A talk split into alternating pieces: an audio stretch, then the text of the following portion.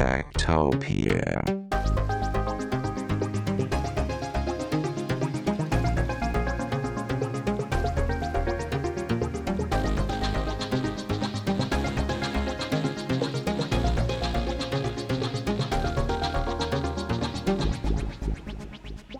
Tektopia er en podcast om mennesker og deres teknologi, udgivet af Ingeniørforeningen IDA i samarbejde med mediehuset Ingeniøren og China Experience, støttet af Innovation Center Danmark, IDA Forsikring og EUT Electronics of Tomorrow. Mit navn er Henrik Føns, og det er mig, der bestemmer i Tektopia. Tektopia.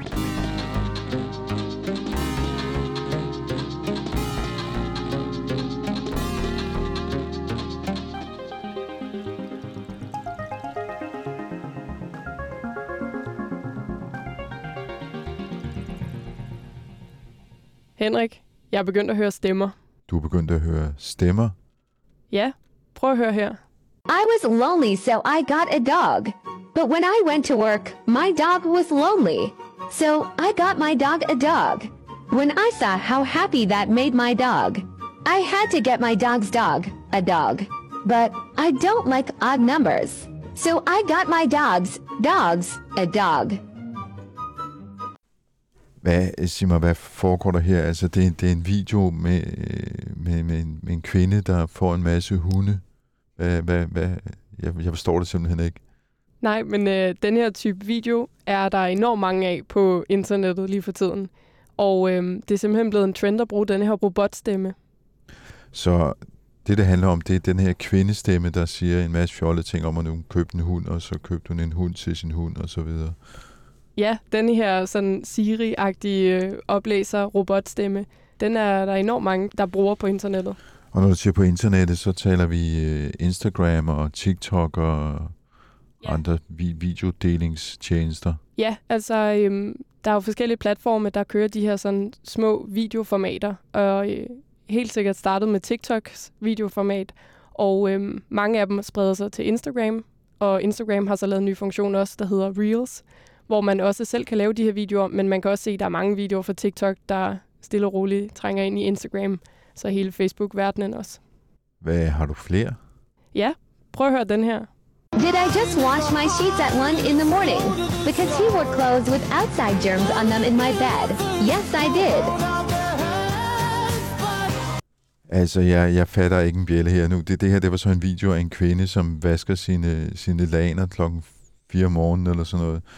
Øh, og så, så går hun rundt i den her video i sin undertrøje i sin lejlighed. Øh, og jeg tænker lidt, øh, skal det være morsomt det her, eller, eller hvorfor kan hun ikke sige det selv? Hvorfor skal hun bruge stemme, eller hvad, hvad, fanden er meningen for at sige det rent ud? Ja, altså det er jo et godt spørgsmål, og øhm, altså, jeg synes, de to videoer, de viser meget godt, at øh, den bliver både brugt som et humoristisk indslag, men den bliver også bare brugt som sådan en helt, en helt almindelig fortællerstemme på mm. folks videoer. Men øh, du har kigget lidt nærmere på det her. Ja, jeg har sat mig for at finde ud af, hvad den her stemmemund kan betyde, og øh, jeg har talt med Adrian Skov om den her TikTok voice. Og hvad laver Adrian? Adrian er retoriker.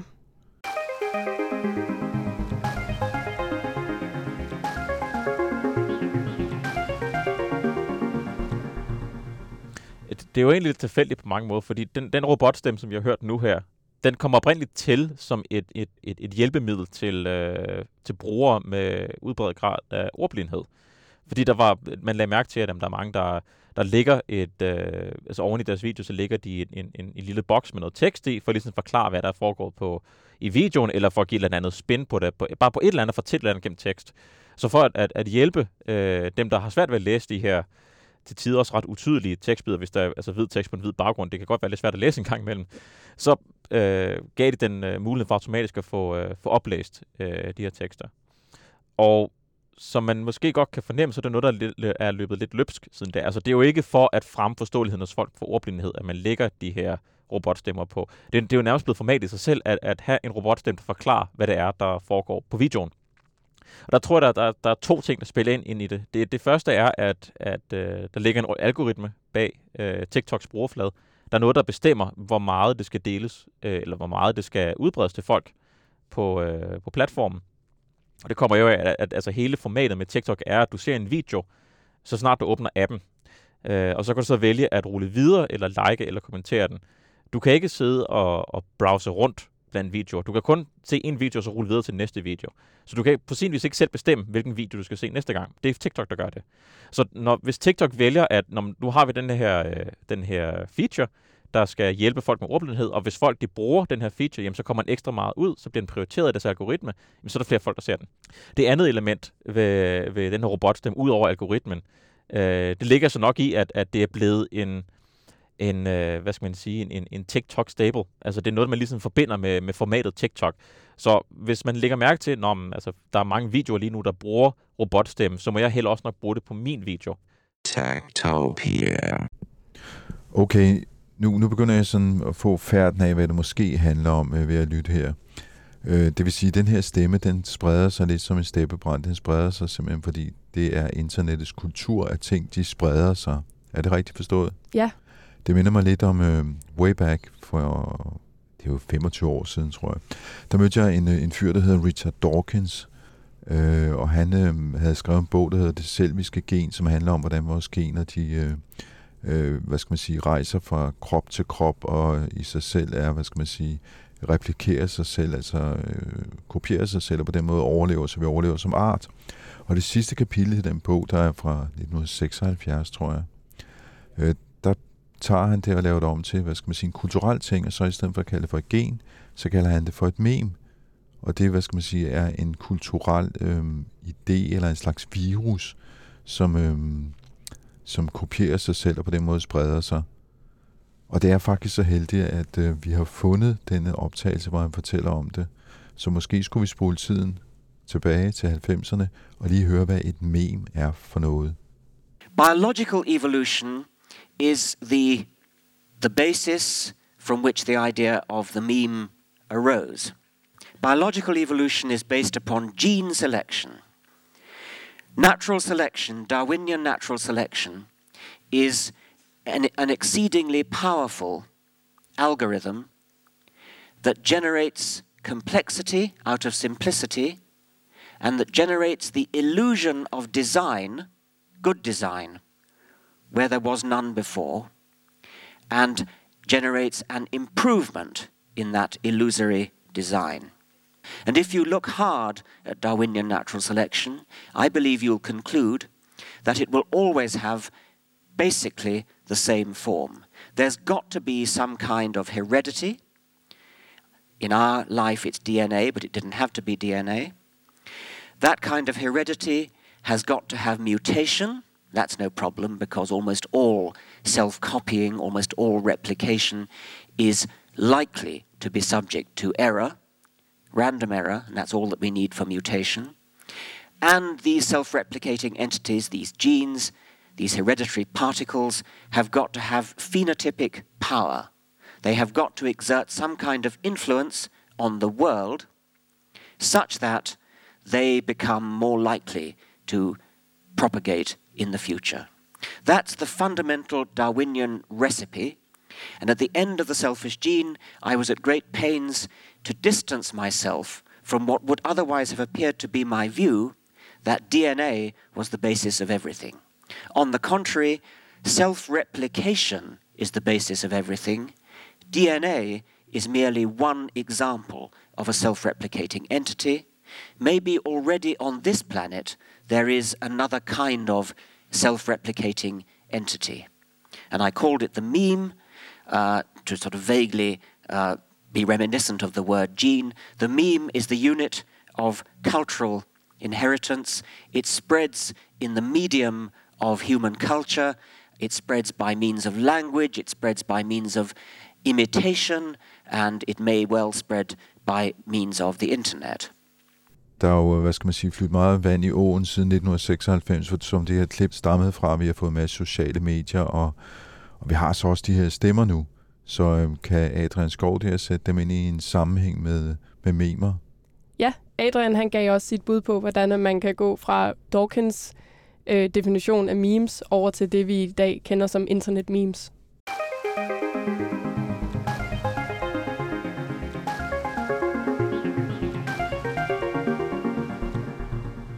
Jeg hedder Adrian Skov, og jeg er retoriker Og jeg har længe beskæftiget mig med memes. Jeg har skrevet meget om den og dykket ned i den, fordi jeg synes, det er en, en meget sjov og en meget øh, omfangsgribende øh, forståelse af, hvad kultur i dag kan være. Hvem er Dawkins, øh, og hvad er det, han siger? Jamen, øh, Richard Dawkins han er en filosof, der længe har beskæftiget sig med især religion og med evolution. Da han begynder at tale her om mimet i, øh, hvad hedder det, i The Selfish Gene fra 1976, der drager han jo, øh, som vi kan høre ret tydeligt, en meget, meget tydelig parallel mellem, øh, hvad skal man sige, den natur, øh, naturhistoriske forståelse af evolution er, som noget selvreplicerende på en eller anden måde, og smider det direkte over på de her øh, cultural units, kulturelle enheder, øh, som man kalder for memes, som spreder sig blandt os mennesker, øh, nærmest som en nærmest viralt, altså som en slags virus, øh, gennem vores sprog og gennem vores, i allerbredeste forstand, øh, kultur.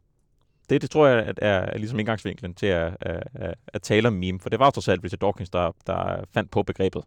Øhm, han nævnte selv, at det var fordi, at det, det rimede lidt på gene. Øh, I bogen, der skriver han, at det oprindelige tanke, det kom fra, øh, fra det græske ord mimesis, øh, som betyder noget, der øh, imiterer noget andet. Så han bare forkortede det til at være et, ja, et meme. Når han nævner det her meme i sin øh, lecture her, øh, er det så den type meme, som vi ser på internettet nu, eller hvad er det, han taler om? Richard Dawkins selv har ude at kritisere, hvordan at øh, begrebet meme bliver brugt på internettet i, i dag i, i flæng. Richard Dawkins han taler om noget, der er på et mere grundlæggende niveau end, end de her billeder eller øh, robotstemmer eller videoer, vi ser på internettet i dag, til at mene noget helt grundlæggende, øh, nemlig vores idéer og vores tanker. Han har selv brugt øh, eksempler sådan noget som den, den katolske kirke, øh, eller vores øh, de små øh, sovespidsfindigheder, vi laver hverdagen, som for eksempel at øh, blæse lysene på, et, på en øh, fødselsdagsgave er også en meme i, uh, ifølge Dawkins. Så han tager et meget mere uh, helikopterperspektiv på, hvad et, et, et meme er. Og derfor er han som sagt også ret meget imod, hvor lidt sindigt vi er med at bruge begrebet i dag på internettet til at mene noget, der er humoristisk. Det synes jeg bestemt ikke, det er. Og nu nævner du selv det her med øh, den katolske kirke, og jeg har faktisk et klip, hvor han lige nævner øh, kirken selv. The Roman Catholic Church could be regarded as a vehicle not for a single meme, but for a whole gang of mutually supportive memes, ideas that get along together and as a collective achieve some kind of permanence. But that's still fairly primitive by the standards of biological evolution. The Roman Catholic Church is still at the, at the level of a virus rather than at the level of a large and elegant body. Hvad er det, han mener med det her med, at den øh, katolske kirke spreder sig som en virus? Det er ude at skulle sætte mig direkte i hans sted og kunne, skulle have læsendes tanker. Øh, så hvis man, hvis man ser på den, på den romerske katolske kirke, ud fra det perspektiv, han har på memes, hvor at, øh, et memes er en, en slags virus, der inficerer øh, menneskekroppe, som man kalder for, øh, hvad hedder det, vehicles, altså en slags fartøjer for, for de her memes, jamen så er den romerske katolske kirke jo en, en yderst succesfuld øh, virus. Der er jo rigtig mange, der den dag i dag replicerer øh, de tanker, der er videreført i, i den romerske katolske kirke. Mm og som på en eller anden måde har spredt sig, uden at der måske er en direkte logisk forklaring på, hvordan det har spredt sig, og hvor, hvorfor det har spredt sig, som det gør. I hvert fald ikke en, en naturhistorisk forklaring på det. Der er jo ikke et dyr, der hedder det romerske katolske kirke, som er mere som er bedre egnet til at konkurrere blandt de andre biologiske dyr her på jorden. Det er jo noget, som, som eksisterer på en abstrakt form. Det er sådan set, i anfølgelsestegn, bare et, et, et, øh, et kulturelt værktøj, som ligesom er, er spredt sig ud blandt masser af mennesker. Remember that survival means survival of the replicator itself. It does not mean survival of the individual doing it.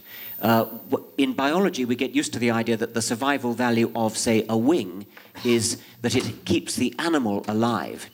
But that's only incidental. What it's really doing is it's keeping the genes that make the wing alive. Similarly, the reverse baseball hat doesn't actually save anybody's life, and it doesn't have to.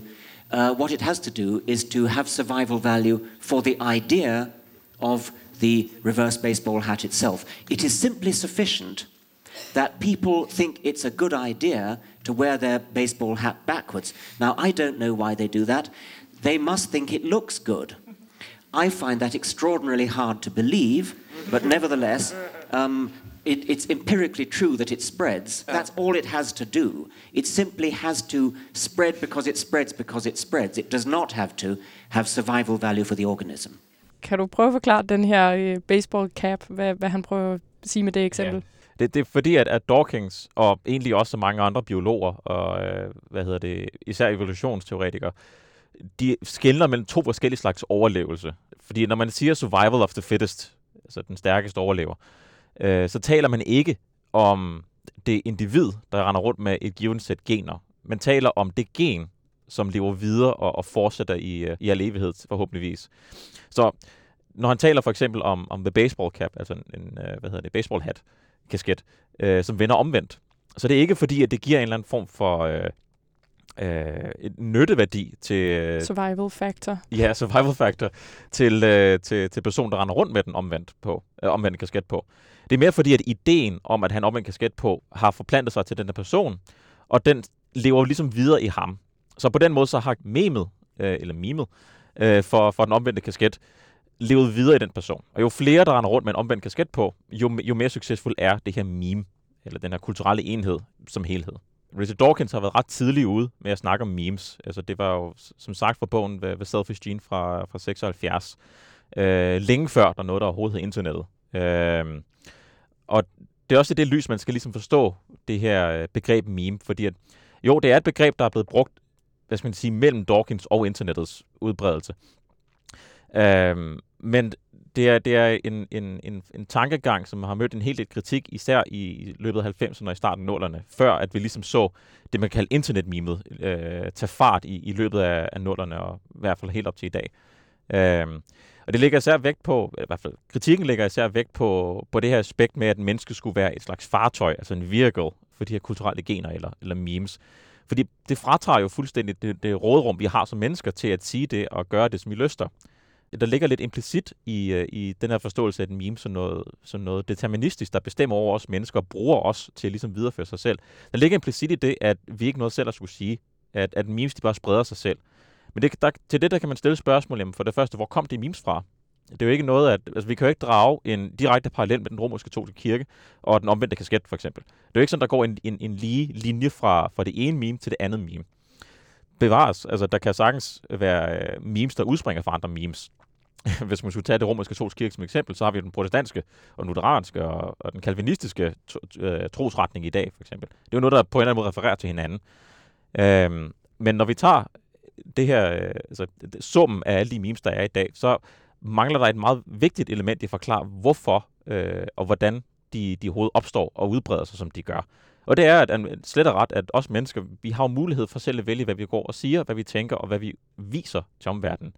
Og hermed også, hvordan vi har lyst til at enten begrænse udbredelsen af et meme, fordi vi ikke synes, at, at øh, det falder os i hende. Altså, der, der er jo mennesker i dag, som ikke er troende i den romerske katolske kirke. Øh, omvendt er der også mennesker i dag, der ikke render rundt med en omvendt kasket på.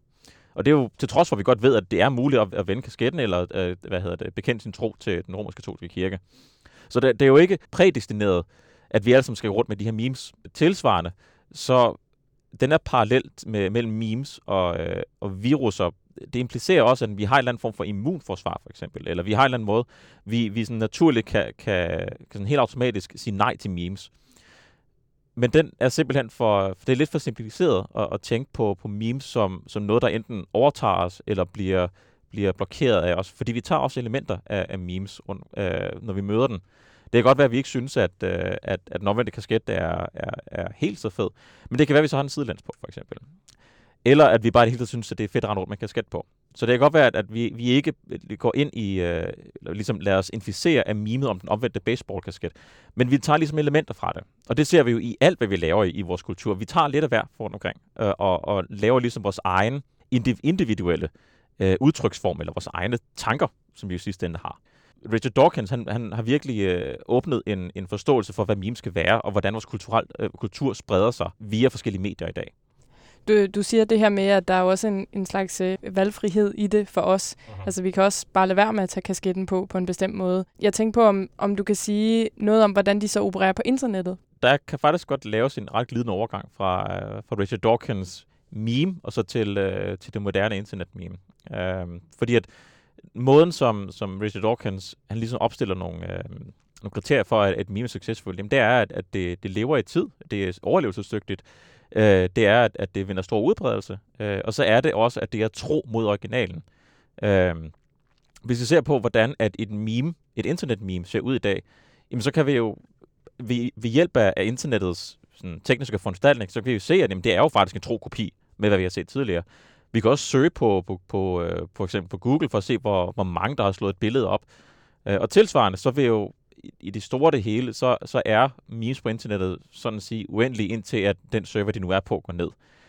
Når det så er sagt, så har internettet jo muliggjort en meget mere eksplosiv vækst eller udbredelse af memes, fordi det går så hurtigt.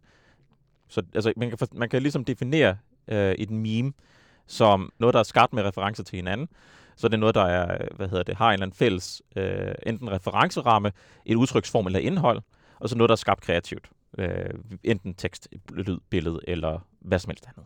Jeg vil ikke sige, at jeg har en, et, et bud på, hvorfor et meme er succesfuldt, fordi det, det havde Dawkins sådan set heller ikke med. Det er ret kompliceret, hvordan og hvorfor vi overhovedet gider at sprede et meme. Men man kan sige, overordnet set, så, så er det egentlig ret indlysende, hvorfor at et meme spreder. Det er slet og ret, fordi at vi synes, det enten er sjovt, eller det vækker noget i os, og så får vi lyst til at dele det. Men vi, vi synes jo som mennesker, at forskellige ting er sjovt, så ja. danner der sig en eller anden form for fællesskab? Kan alle købe ind på memesene, eller vil det henvende sig til forskellige folk? Ja, altså, altså i teorien, så er der intet, der, der ligger til hinder for, at vi alle sammen forstår og synes, at alle memes er sjove. Der er jo ikke noget i selve formen af, af et internet-meme, der gør, at vi sådan rent teknisk og rent logisk ikke skulle kunne forstå det. Men det der med, at, med, med at, at der er nogle mennesker, der synes, at en givet meme, eller for den sags skyld en given joke, er sjov, det ligger jo så meget op, op i, altså hvad, hvilken baggrund har jeg selv? Altså hvad synes jeg selv er sjovt, og hvorfor synes jeg, det er sjovt?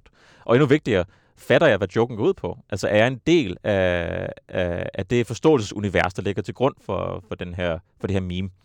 Så i det, der skal man også godt se, at uh, se igen det her med, at internettet er utrolig populært.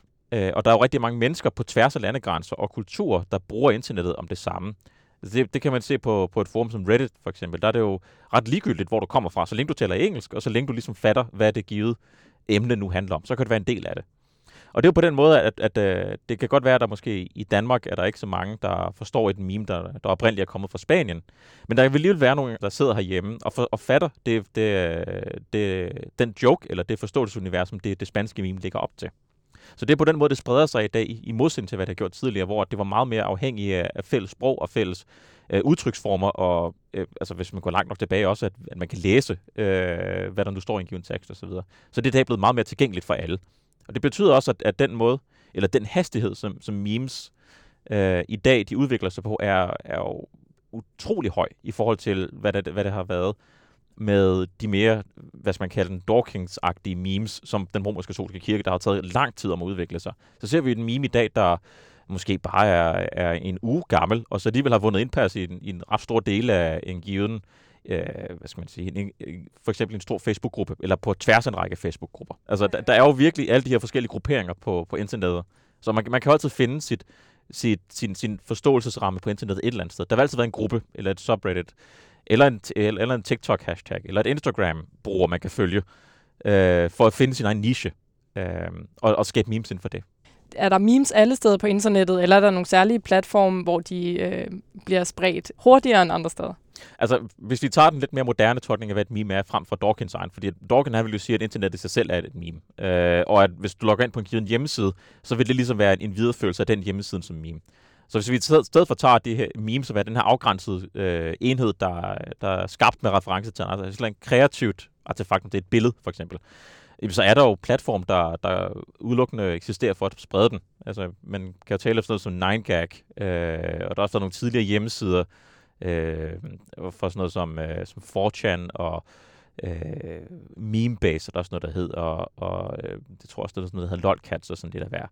Altså, der har været de her hjemmesider, der ligesom har haft det formål at være sådan en slags arkiv eller social medie for at sprede de her memes, og ligesom lægge den op, og så på nogle sider, så er det så, man kan, man kan hvad hedder det, øh, give nogle thumbs up til de memes, man godt kan lide, og, og nogle thumbs down til de memes, man ikke kan lide. Og dermed så de memes, der ligesom har vundet bredest indpas hos brugerne, er det, der ligesom kommer øverst, og det man ser først, når man kommer ind på hjemmesiden.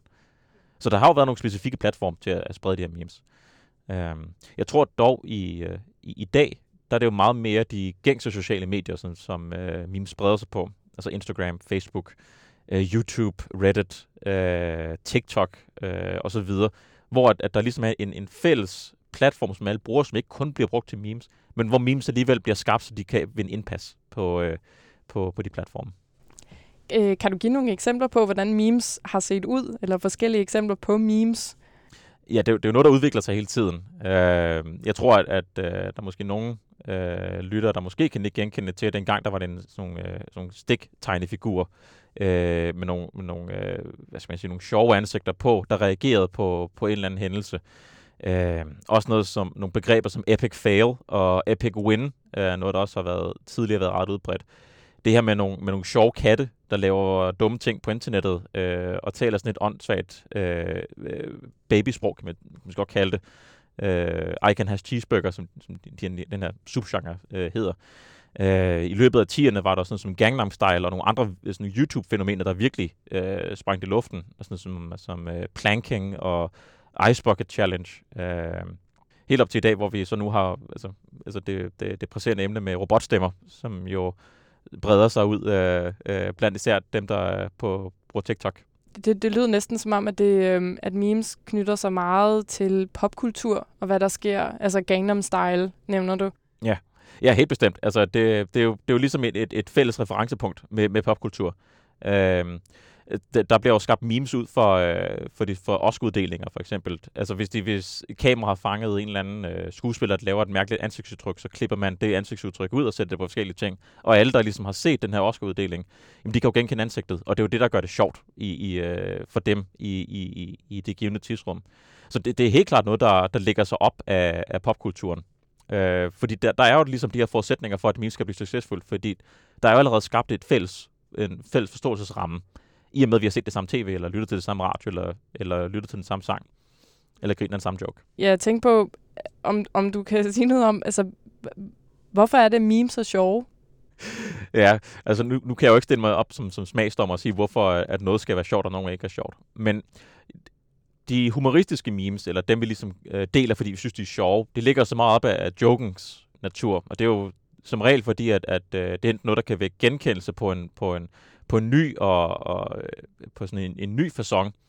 Eller så er noget, en eller anden form for absurditet, hvor vi, vi tager, øh, for eksempel med det jeg tænkte eksempel med, at vi tager en skuespillers åndssvage ansigtsudtryk og lægger det ind i en ny øh, situation. Så det er fordi, vi kan jo genkende det her ansigtsudtryk, ved godt, hvilken kontekst det kommer fra, og så er det bare skægt, optræde i en eller anden ny, absurd sammenhæng.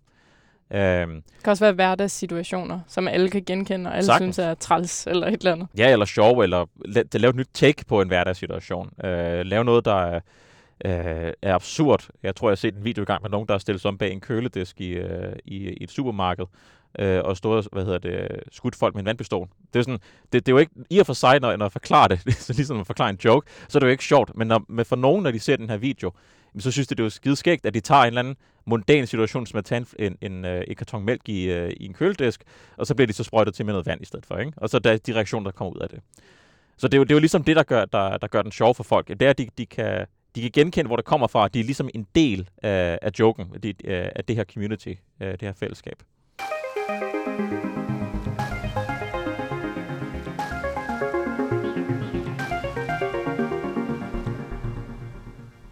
Jeg afspillede jo de her videoer for dig i starten, og nogle af dem talte jeg også med Adrian om. Og han har sikkert noget mere begavet at sige om, men, øh, end jeg lige havde, fordi jeg kunne altså ikke lige gennemskue, hvad der foregik. Tactopia. I was lonely, so I got a dog. But when I went to work, my dog was lonely. So I got my dog a dog. When I saw how happy that made my dog, I had to get my dog's dog a dog. But I don't like odd numbers. So I got my dog's dogs a dog.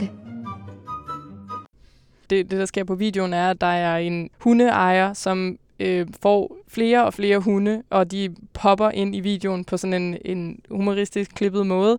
Og hver gang der bliver nævnt dog, så kommer der nærmest et, et klip, med- hvor der så er endnu en hund i billedsiden. Øhm, men altså, hvorfor er det her meme sjovt?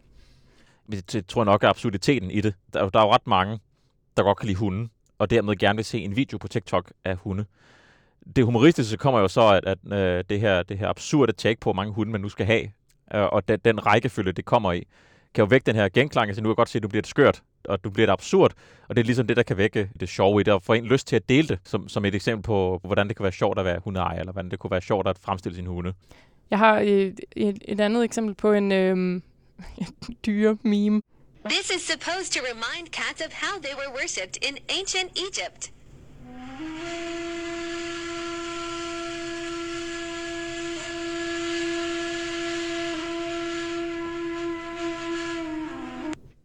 det, man så kan se på videoen, er den her kat, som lige pludselig spidser ører, og øjnene bliver sådan helt slanke på sådan en speciel måde. Ja, altså det, det, er, jo, det er jo det unikke ved, ved TikTok, at, at du kan tage øh, lyden fra en video, og så bruge det på din egen video. Øh, så det er, jo, det er jo, på den måde er det meget hurtigt at få, hvad skal man sige, få skabt forudsætninger for et meme. Nemlig det her med, at, at der, det er jo direkte, øh, hvad hedder det, repliceret, øh, den her lydbid. Øh, ligesom Dawkins siger det. Og så er det bare blevet brugt i et nyt, genkendeligt format på billedsiden i hvert fald. Og altså, vi må bare antage, at i og med, at det er spredt sig, så er der jo nogen, der synes, det er sjovt. Øh, fordi de, de har fået lyst til at, at øh, optage at en video af deres egen kat efterfølgende. Øh, og så dermed også dele det på TikTok efterfølgende. Jeg, øh, jeg spiller lige en her med en, øh, en pige, som har besluttet sig for at vaske sine laner øh, midt om natten, fordi hun synes, de er blevet beskidte. Did I just wash my sheets at 1 in the morning? Because he wore clothes with outside germs on them in my bed. Yes, I did. Man, man sidder og ser sådan en video og tænker, hvem er den henvendt til? Altså det, det er jo præcis dem her, som kan se det genkendelige i, i situationen. Altså på den ene side, at, at ja, man masker laner, og så på den anden side, at man har en eller anden, ikke nødvendigvis en germofobi, men i hvert fald en, en afsky over for, øh, for urenhed i sin seng. Og så var det tredje, at, ligesom at samle de to og sige, at jamen, altså, nu har jeg sådan en, en, en trang til at gøre noget lige pludseligt, om det så er klokken 1 om natten, eller om det er klokken 5 om morgenen, eller hvad det nu skal være. Så skal det bare ske nu. Og jeg tror, det er så, at, at man kan sige, det, det er sjovt for nogen, det er jo så at, at kombinere de tre. Øhm, og så samtidig gøre det med, altså nu hørte vi også noget underlægningsmusik, som er jo meget kendetegnende for, for, for TikTok. Og også at hele spørgeformatet, som vi hørte her i videoen, det var jo et, et, et spørgsmål-svar-format, som øh, historien blev gengivet i. Og det er jo en, en, et format, der inviterer folk til selv at overveje, jamen altså, gjorde du rent faktisk det her? Øh, det er selvfølgelig et retorisk spørgsmål, men ikke desto mindre er det noget, der ligesom kan, kan, kan hugge folk til ligesom at, at se videoen færdig. Der har været så meget snak om, at sociale medier de er fake, og de viser et forskruet billede af virkeligheden. Så hvorfor er det, at den her robotstemme den er blevet så stort et hit? Ja. Jamen, Altså, når, den er, altså, når den i, i sin øh, essens er noget falsk. Det er ikke din Jo. naturlige stemme. Nej, og det er jo måske netop det, fordi jeg tror, der er for især blandt TikTok-brugere, som jo trods alt er de yngre, øh, i hvert fald generelt sagt, så er der jo, de er jo de digitale indfødte og er vokset op med, med alle de her, i anførselstegn, falske sociale medier, hvor vi er vant til at vise den bedste side af, hvad vi nu går og laver. Øhm, og der tror jeg, at, at hvis man tager, tager den, den, hvad skal man sige, den mere satiriske take på, øh, på robotstemme, altså bruge robotstemme, fordi den er irriterende, men så er der netop for at highlighte, at det er en robotstemme, det er ikke en ægte menneskelig stemme, det er noget falsk, og det kan vi grine af, fordi vi ved godt, hvad det er for noget. Vi, vi forstår, hvad at der er ligesom impliceret i, i robotstemmen, øh, i, i modsætning til, til, en, til en, en menneskelig stemme. Så man kan sige, det, det, det, er jo, det, er jo, det er jo sådan lidt paradoxalt, fordi det er, jo, det er jo en autentisk følelse, man har ved at bruge en falsk stemme. Øh, ja, det, det tror jeg, det taler meget godt ind i, i den forståelsesramme, som så mange unge øh, sociale mediebrugere har i dag. Jeg, jeg har lige et sidste eksempel, som jeg kom i tanke om i forlængelse af det, du sagde. Udover der er den her robotstemme, så er der også ofte bestemte sange eller underlægningsmusik. Og der fandt jeg nemlig et sjovt mix mellem det falske og det naturlige. Øh, Jeg vil lige afspille den for dig. Can we skip to the good part? No. Det, det er så den her video, øh, som øh, viser et meget, meget smukt landskab med bjerge i baggrunden, hvor der hvor man så ligesom indikerer, vi venter på at komme op på bjergets top, så klipper den, og så er det øh, helt tåget, det regner, det blæser, og så står der så, at det her, det er the view from the top. Men sideløbende med de her små tekstbeskeder og billedsiden, så har han så selv valgt at synge et lydklip, som på andre videoer bliver spillet. Altså bliver det her skridtet videre, det er når man så laver robotstemmen med sin egen stemme. Jamen, det, altså, det er jo, det er jo en slags satire på, på hele det her format. Øh, det, det er fordi, at brugerne på TikTok ved godt, hvad, for, hvad det er for en slags musik, der skulle være spillet, øh, hvis det skulle have været noget positivt. Men i og med, at han ligesom tager det her format med at tage noget, noget negativt, så gør det også noget positivt, og ligesom nærmest gør det om, altså han laver en, en omvendt på den, og siger, nu tager vi det, det positive, skipper til uh, the good part, og så det negative. Så skal en, en måde så at fuldende, uh, så tjener vi også at tage lydsiden og gøre noget grin med den. Vi ved jo godt, hvor det kommer fra, hvad det skal bruges til i deres oprindelige kontekst. Vi er en del af den forståelseshorisont. Og derfor kan vi også godt gøre grin med den. Og man kan vende tilbage til Dawkins og sige, at nu har det spredt sig, fordi det har spredt sig, fordi det har spredt Ja, sig. absolut, absolut. Altså det, selvom han laver grin, gør grin med formatet øh, og laver satire på det, jamen så spiller det stadig ind, og ideen, eller mimet, lever sådan set stadig videre, øh, blandt alle dem, der har set det.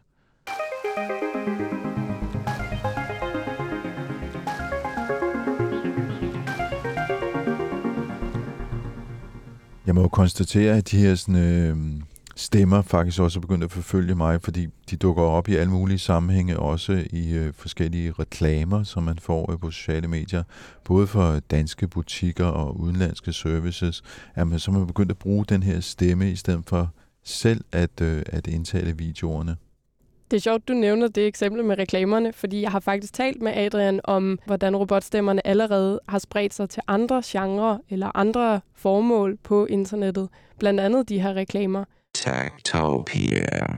Jeg, øh, jeg gik faktisk på Reddit og spurgte Reddit, øh, hvad, hvad synes folk om den her TikTok-stemme?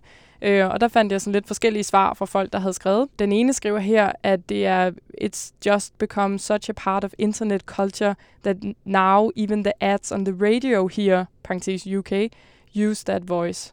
Så man er altså så begået over til at implicere det i reklamer også. Der er en anden, der også skriver, at en masse reklamer på TikTok, de bruger også den her stemme til at blende ind med de videoer, der så ellers kommer i den der stream, du også fortalte om.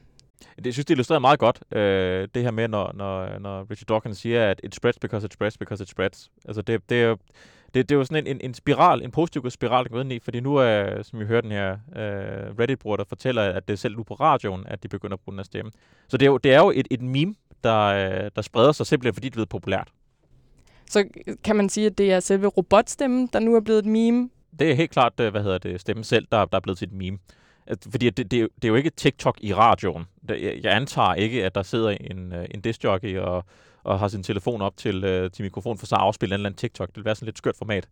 Øh, det er mere det her format med at tage øh, stemme øh, og uh, øh, øh, replicere den og videreføre den, som det meme, det nu er, øh, over til andre kontekster, til andre, øh, med andre budskaber, end det øh, den er vant til at blive brugt i. Uanset hvad, så er det succesfuldt meme, øh, ud fra den definition. Men der, men der synes det spændende ved, ved, ved det her TikTok-meme, ved den her robotstemme, det er, at det viser de dynamikker, hvorved vi spreder memes på en helt almindelighed. Altså vi, vi, vi synes noget er sjovt, fordi vi kan genkende os, og fordi vi ligesom er en del af den gruppe af mennesker, der forstår, ikke nødvendigvis det sjove, men bare formatet ved at, at bruge den her TikTok-stemme. Øhm, og det er jo på den måde, som kultur i al almindelighed fungerer, det er, at jamen, altså, hvis vi kan tale sammen om det samme, og forstå hinanden, og forstå de følelser, vi ligger i det, så vil det af den samme gruppe. Omvendt, hvis der er nogen, der forsøger at komme ind i vores gruppe, og ikke fatter de koder, vi har, eller de memes, vi har, jamen, så er du ikke en del af vores gruppe, og så bliver det lige pludselig meget pinligt. Eller på en hver, på, det bliver i hvert fald ikke, øh, det er ikke tilstedeligt, at, at de er en del af vores gruppe. Så på mange måder, så er den her, hele den dynamik omkring meme, det er jo en måde at både at inkludere, men også ekskludere folk for, for den fælles forståelsesfront.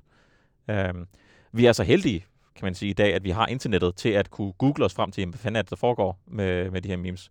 Hvorfor er det sjovt, kan man også endda google sig frem til. Men hvor med alting er, så det er muligt for, for, for os i dag at ligesom finde ud af, jamen, hvad, hvad, er det, hvad er det, menneskerne taler om. Øh, det kan vi hjælpe af internettet. Det kunne måske ikke i lige så høj grad før, at, at et meme overgik til at være et internet-meme. Det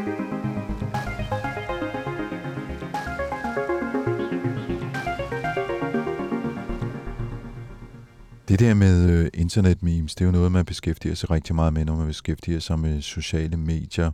Så da du har fortalt mig om det her, der ringede jeg til Katrine Tilke, som er social medieekspert, og spurgte hende til memer, og øh, det viser sig, at ikke alene er hun øh, social medieekspert, hun kommunikerer også med sin søn via memer, altså internet-memes. Techtopia.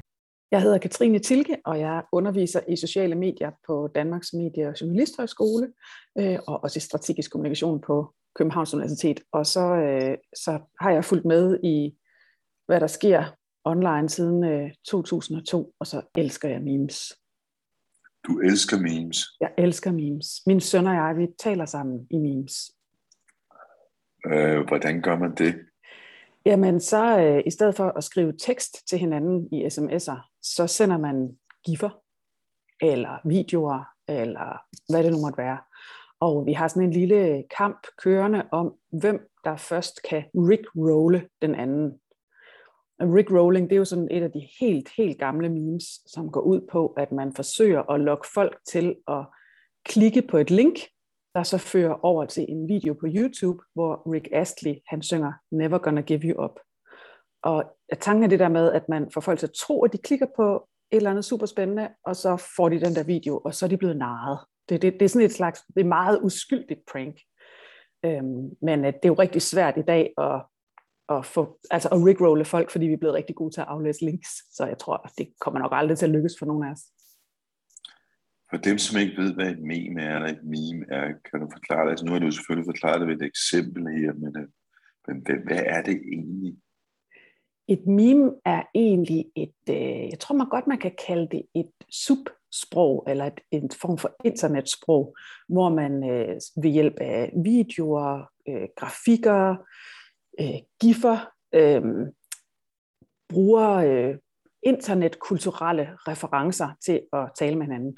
Man kan sige, det er lidt ligesom øh, vi i sproget har faste vendinger, øh, for eksempel liden tue kan vælte stort læs, eller en rev bag øret.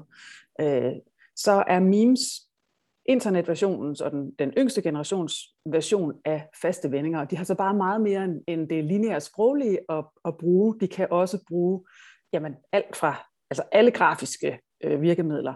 Og igen, øh, der bliver brugt rigtig mange internetkulturelle og popkulturelle referencer i de her memes. Så der er virkelig mange facetter af et meme. Og man kan sige, det der også er interessant ved memes, det er, at enten så forstår man dem, eller så forstår man dem ikke. Ligesom med en, en god vidighed. Når vi fortæller hinanden en god vidighed i, øh, sådan, øh, uden for internettet, så vil vi gerne have så mange som muligt skal grine af den. Det er pinligt at fortælle en vidighed, som ingen forstår. Med memes der er det faktisk lidt anderledes. Det er den samme mekanisme, det man, man fortæller noget, og så håber man, at der er nogen, der forstår det. Men, men memes kan godt være lidt mere ekskluderende, øh, forstået på den måde. Der må godt være meget få, der forstår ens memes, men hvis de så forstår det, så kender vi hinanden godt. Eller så er vi virkelig, så har vi virkelig et fællesskab, når vi forstår hinandens memes. Men man kan så, hvis du skal vende tilbage til, hvad memes er, så er det altså en slags øhm, social mediesprog, som, øhm, som ikke er almindelig skriftsprog, ikke er almindelig talesprog, men en helt anden måde at udtrykke sig på, som ja. man vel kan sige lever på mediets præmisser, fordi det er videoer, det er giver. Ja, og jeg tror, det skaber, øh, altså i hvert fald den måde, som, som jeg ser memes på, og selv bruger dem på, det kan skabe et enormt fællesskab blandt dem, der forstår det, og man, man danner nogle andre fællesskaber med nogle andre mennesker, som forstår en Star Wars memes, eller øh, er virkelig god til at lave nye Jack Black memes, eller, eller hvad det nu måtte være. Så der er faktisk ret høj status, høj status i at producere gode memes, ligesom der er høj status i at finde på en ny fantastisk joke, eller en fantastisk ny sketch. Øh, og så er der altså også det, den, den fællesskabsdannende ting, som jeg tror, øh, jeg tror betyder rigtig meget. Jeg hører nogle gange min søn sidde og klukke inde på sit, øh, inde på sit værelse af øh, et eller andet meme, og så nogle gange så kommer han, så er han meget sød, så kommer han ud, og så spørger jeg sådan, hvad griner du af? Og så forsøger han at forklare mig det. Og det tager jo så 10 minutter, og jeg forstår det jo så stadigvæk. Jeg siger, memes kan ikke forklares, de kan kun ses eller opleves. Så, øh, så jeg synes da også nogle gange, at memes er kunst, faktisk. Og det kan godt være, det er der, hvor vi er her med robotstemmen, at øh, det er en ny meme, submeme-kultur, som næsten er kunst.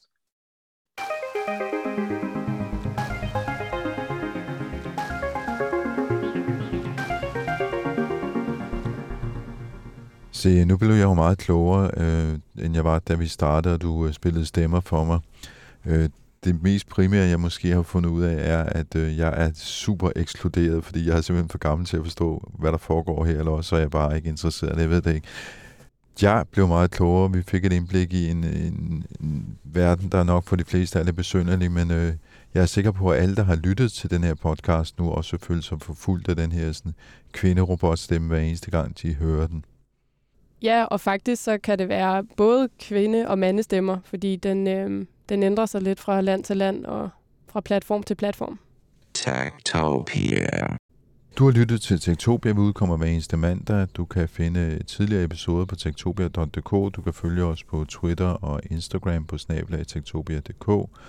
Du kan skrive til os på adressen henriksnablag.tektopia.dk. På tektopia.dk kan du også tegne abonnement på nyhedsbrevet Ida Tech.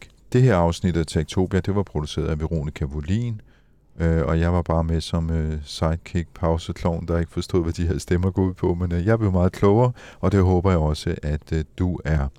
Inden vi helt slutter af, skal vi lige have et øh, podkort fra Ingeniørens podcast Transformator. Må jeg høre sige nej? Ja! Sig nej! Nej! Sig nej, sig nej! På dine egne og på dine børns og børnebørns vegne. Sig nej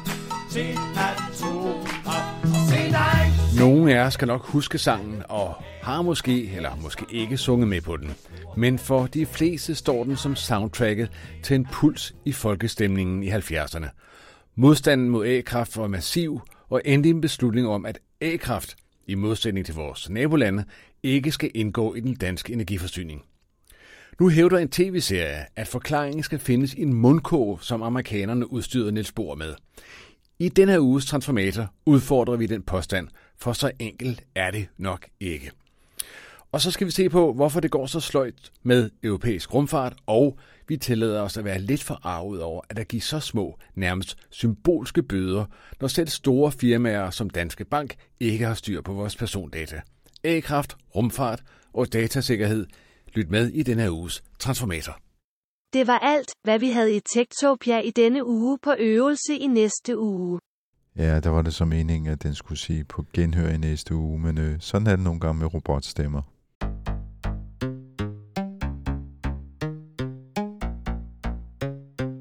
Tactopia.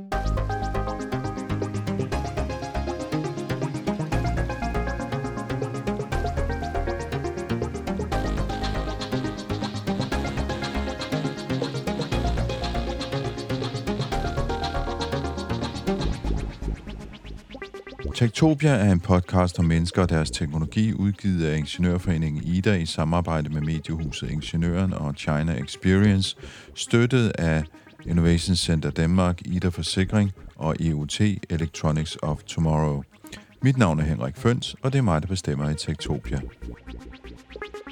Tektopia.